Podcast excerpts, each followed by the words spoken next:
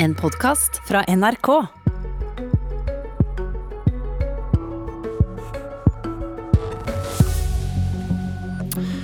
Du har kanskje hørt noe som ligner på dette. Når vi tar imot kvoteflyktninger, da hjelper vi de aller svakeste. Stemmer det? Påstanden vi skal se på er denne. For å lykkes som kvoteflyktning må du være sårbar nok til å bli valgt ut av FN, men integrerbar nok til å bli valgt av Norge. Det er 80 millioner flyktninger i verden, og 1,5 millioner av dem plukkes ut som kvoteflyktninger. De FN mener må hentes ut til et annet land, som Norge. Og i høst blir det kamp om hvor mange kvoteflyktninger Norge skal ta imot neste år. Men det snakkes ikke så ofte høyt om hva som skjer etter at vi er enige om antallet. Velkommen til Politisk kvarter, forsker Ingunn Bjørkhaug fra Fafo. Eh, påstanden i starten den, den, den, er din, den skal vi komme tilbake til. Den er sakset fra avisa Vårt Land denne uka. Men aller først, hvordan, hvordan blir man kvoteflyktning? Ja. For å bli en kvoteflyktning i Norge, så må man gjennom en lang og krevende prosess. Det kan nesten sammenlignes med en sånn intervjurunde til en attraktiv stilling. En flyktning i en leir drevet av FNs høykommissær for flyktninger må først sørge for å fremme sin sak for en kommissær i leiren. Um, dette kan innebære endeløse timer i kø utenfor dette kontoret. Noen står der dagvis, noen står der i ukevis. Mange lykkes ikke. Det kan være prosesser som å prøve korrupte metoder for å komme inn den, på den lista, eller det kan være også forsøk på å kjøpe skreddersydde historier. Og da gjelder det å bli sårbar nok for FN? Sårbar nok for FN. En alenemor med ansvar for fem barn har verken tid eller ressurser til å stå i en slik kø. Og nåløyet for å komme videre fra den første utvelgelsen er også trang. Men eh, hvorfor reagerer du da når du hører politikere som sier at Norge hjelper de mest sårbare når vi henter kvoteflyktninger? Hvem er det Norge velger? Ja, for grunnen, Grunnen til at jeg reagerer, for at alle er jo en sterk konkurranse om å være mest sårbar. i denne, Og det blir jo um, vanskelig, for alle er jo sårbare. Um, man skal i realiteten gjennom fem-seks intervjurunder for å bli valgt ut bare av FN, og så kommer Norge med kommisjonen sin fra UD, UDI, fra IMDir, politiet, for å gjøre en rekke nye undersøkelser.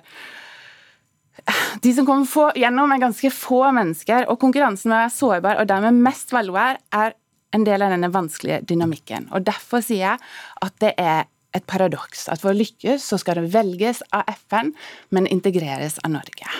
Hvem er det Norge da velger bort? Eh, Norge velger da bort brorparten av de som ikke kan integreres inn i de lokale kommunene. Og dette klarer ofte ikke de svakeste og de mest sårbare å overbevise. Hva, hva kjennetegner den gruppen som ikke velges? Det, er, det, kan være folk med store medisinske behov. Det kan være en del av de som FN selv sier at dette er de mest sårbare, men Norge sier at vi har ikke mulighet til å integrere denne gruppa. Eh, det kan være eldre uten familie, det kan være syke, det kan være eh, funksjonshemmede, som kanskje kommer i en liten sånn eh, egen gruppe, sånn 2% gruppe for de mest sårbare. Men mange sitter igjen i leiren. Hvem er det som velger disse, da, når Norge ikke tar dem? De blir igjen i flyktningleiren. In ingen velger dem? Ingen velger de. Takk, Ingunn Bjørkhaug. Eh, Ove Trellevik, du er Høyres innvandringspolitiske talsperson. Velkommen. Takk for det. Eh, det er ikke sant når politikere sier at Norge hjelper de svakeste når vi henter kvoteflyktninger. Hva tenker du om den påstanden? Jeg er helt enig med, med, forskeren at det sitter svært svært mange sårbare igjen eh, i flyktningleirene, av de 80 millioner flyktningene som ikke når fram gjennom FN. Men òg gjennom de som FN har plukka ut, som er sårbare og som ikke får relokalisering. Men det er slik at eh, når vi skal ta ut folk for å relokalisere og velge til Norge, så er det den første betingelsen det, det er at du har behov for beskyttelse. Så alle som ikke har behov for beskyttelse av liv, de eh, er ikke blant de som Norge ønsker å prioritere. Vi ønsker å prioritere de som har beskyttelse for, for livet sitt, eh, som er forfulgt. Så Det er en ny prosess etter at FN har valgt for å kvalitetssikre nettopp det. Og Så ønsker vi selvsagt heller ikke at vi skal ta imot mennesker som på en måte er krigsforbrytere og som på en måte har, har store utfordringer på den måten. Eh, og Når det òg er silt ut, så ønsker vi jo selvsagt at alle som skal komme til Norge, skal lykkes. Vi ønsker at de skal få seg arbeid, at de lykkes som familie, at eh, ungene vokser opp i et godt miljø, og at de lærer seg norsk, og at de får seg arbeid. Og de blir integrert i samfunnet på en svært god måte. De skal lykkes, sier du. Hvem mener du skal hjelpe de mislykkede? De som ingen velger? Som du hørte om her? Ja, og det er jo ikke sånn at vi ikke tar imot eh, de som, som på en måte ingen velger, men vi kan ikke bare velge de. Eh, så vi har jo... Det kan ikke være sånn at du ikke tar imot de som ingen velger. De som ingen velger, blir ikke valgt. Eh, eh, poenget her er at vi tar imot folk som sitter i rullestoler og som på en måte aldri kan, komme seg i arbeid i Norge òg. Det er ikke majoriteten i nei, av de Norge tar imot. Nei, det må du være ærlig om. Over, Overhodet ikke. Helt klart. Men vi har store utfordringer med integreringen i Norge. Og det har vi hatt. Eh, Erna Solberg eh, lagde den første integreringsloven i 2003. Og vi eh, har lagt ny integreringslov, så det er et stort fokus på dette. Vi bruker enormt mye ressurser på integrering i Norge. Så det er et stort fokus på dette. Men i spørsmålet vi, vi, vi sirkler rundt her, hvem skal hjelpe de Norge ikke vil ha, og ingen andre vil ha? Vi bruker jo bistandsmidler, og jeg skulle jo rent personlig ønske at vi hadde på en måte brukt mer penger ute og mindre penger hjemme. Ja, men Det, det, blir, det blir et helt feil premiss, for her snakker vi om de som du også anerkjenner, de 1,5 millionene som FN og du mener ikke skal være i leirene, men som må hentes ut, f.eks. av Norge. Men de velges bort. Hvem skal hjelpe de da? FN tar jo hånd om de i, i flyktningleirene. Ok, Du vil de skal være der da, for å ta vare på norsk velferd? Norge kan ikke ta imot 1,4 millioner FN-flyktninger. Det går jo ikke. Nei, men av de 3000 du faktisk har skrevet under på å ta, da, så tar du veldig få av de ingen vil ha vi tar, vi tar, få av de som ingen vil ha.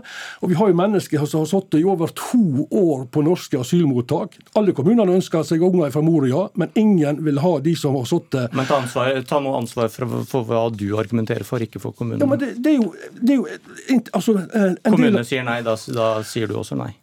Vi kan ikke ta mer eh, eh, flyktninger til Norge enn det vi klarer å integrere i Norge på en god måte. Vi ønsker ikke noen svenske tilstander i Norge. Vi ønsker at man skal lykkes og bli integrert i samfunnet. I dag så har vi over 300 stykker som sitter på asylmottak og venter på å komme ut i kommunene. Mange av de, 60-70 stykker, har sittet i mer enn to år. Også barn har sittet lenge. Og mange av de er faktisk også funksjonshemma. Eh, så kommunene må på en måte være villige til å bosette eh, flyktninger som eh, har, har ressurskrevende behov. Ok, Karin Andersen fra SV, god morgen. God morgen. Hva vil SV gjøre? Nei, Vi har foreslått for Stortinget før at Norge må følge FNs anbefalinger om hvem det er som er mest sårbare, og hvem som trenger et nytt land å flytte til. Eh, og det har vi gjort eh, nettopp fordi vi har eh, hørt at alle, i hvert fall før, har snakka om at man mener at vi skal prioritere de mest sårbare.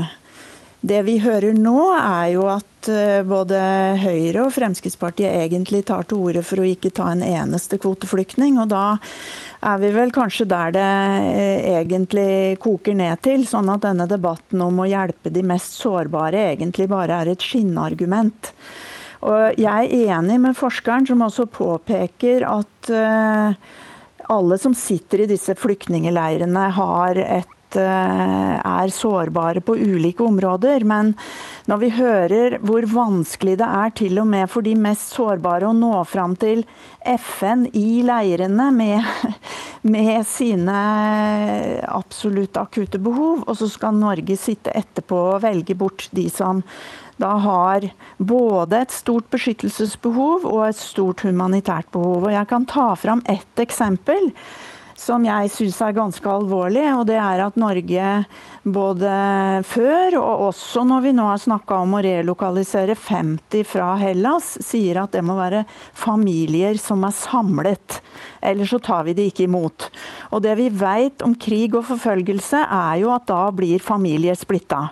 Og da skal man altså ikke engang anerkjenne det som et alvorlig problem, og som et kriterium liksom kreve at folk ikke skal ha kommet bort fra hverandre i, på, i krig og under flukt. Okay. Og Det viser jo hvor på en måte kynisk dette er. For da er man mer opptatt av liksom å telle at det ikke kommer én for mye, enn at uh, Unnskyld. Nei, vent nå må du avslutte, Andersen. Vent nå. Ja, jeg skal avslutte. og Det bare viser at man liksom bruker kriterier der liksom å begrense antallet eh, om det blir én eller to for mye, er viktigere enn å ta de familiene som er mest sårbare.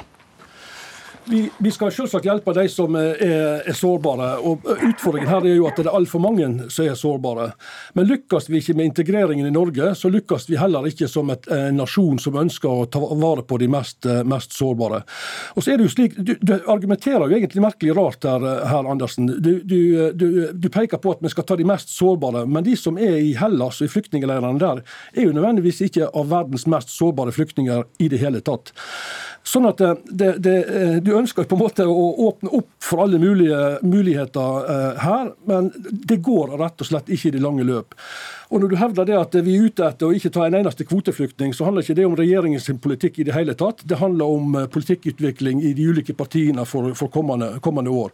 Og det er jo som Fafo-forskeren sier òg, og som òg står i utgreiingene som hun har, har gjort, det å den utfordringen som man har blant de 80 millioner flyktningene som sitter der ute, den er altså så prekær og så stor at det der òg trengs det hjelp. Og Det å bruke 50 milliarder kroner på å integrere 3000 flyktninger i Norge, mener jeg bør kunne diskuteres opp mot de store, reelle behovene for de aller aller svakeste, som er blant de 80 millioner flyktningene som FN ikke klarer å prioritere i hele tatt. Andersen? Ja, men nå, nå argumenterer du igjen for at vi skal hjelpe de aller svakeste, samtidig som dere ønsker kriterier for å ikke hjelpe dem.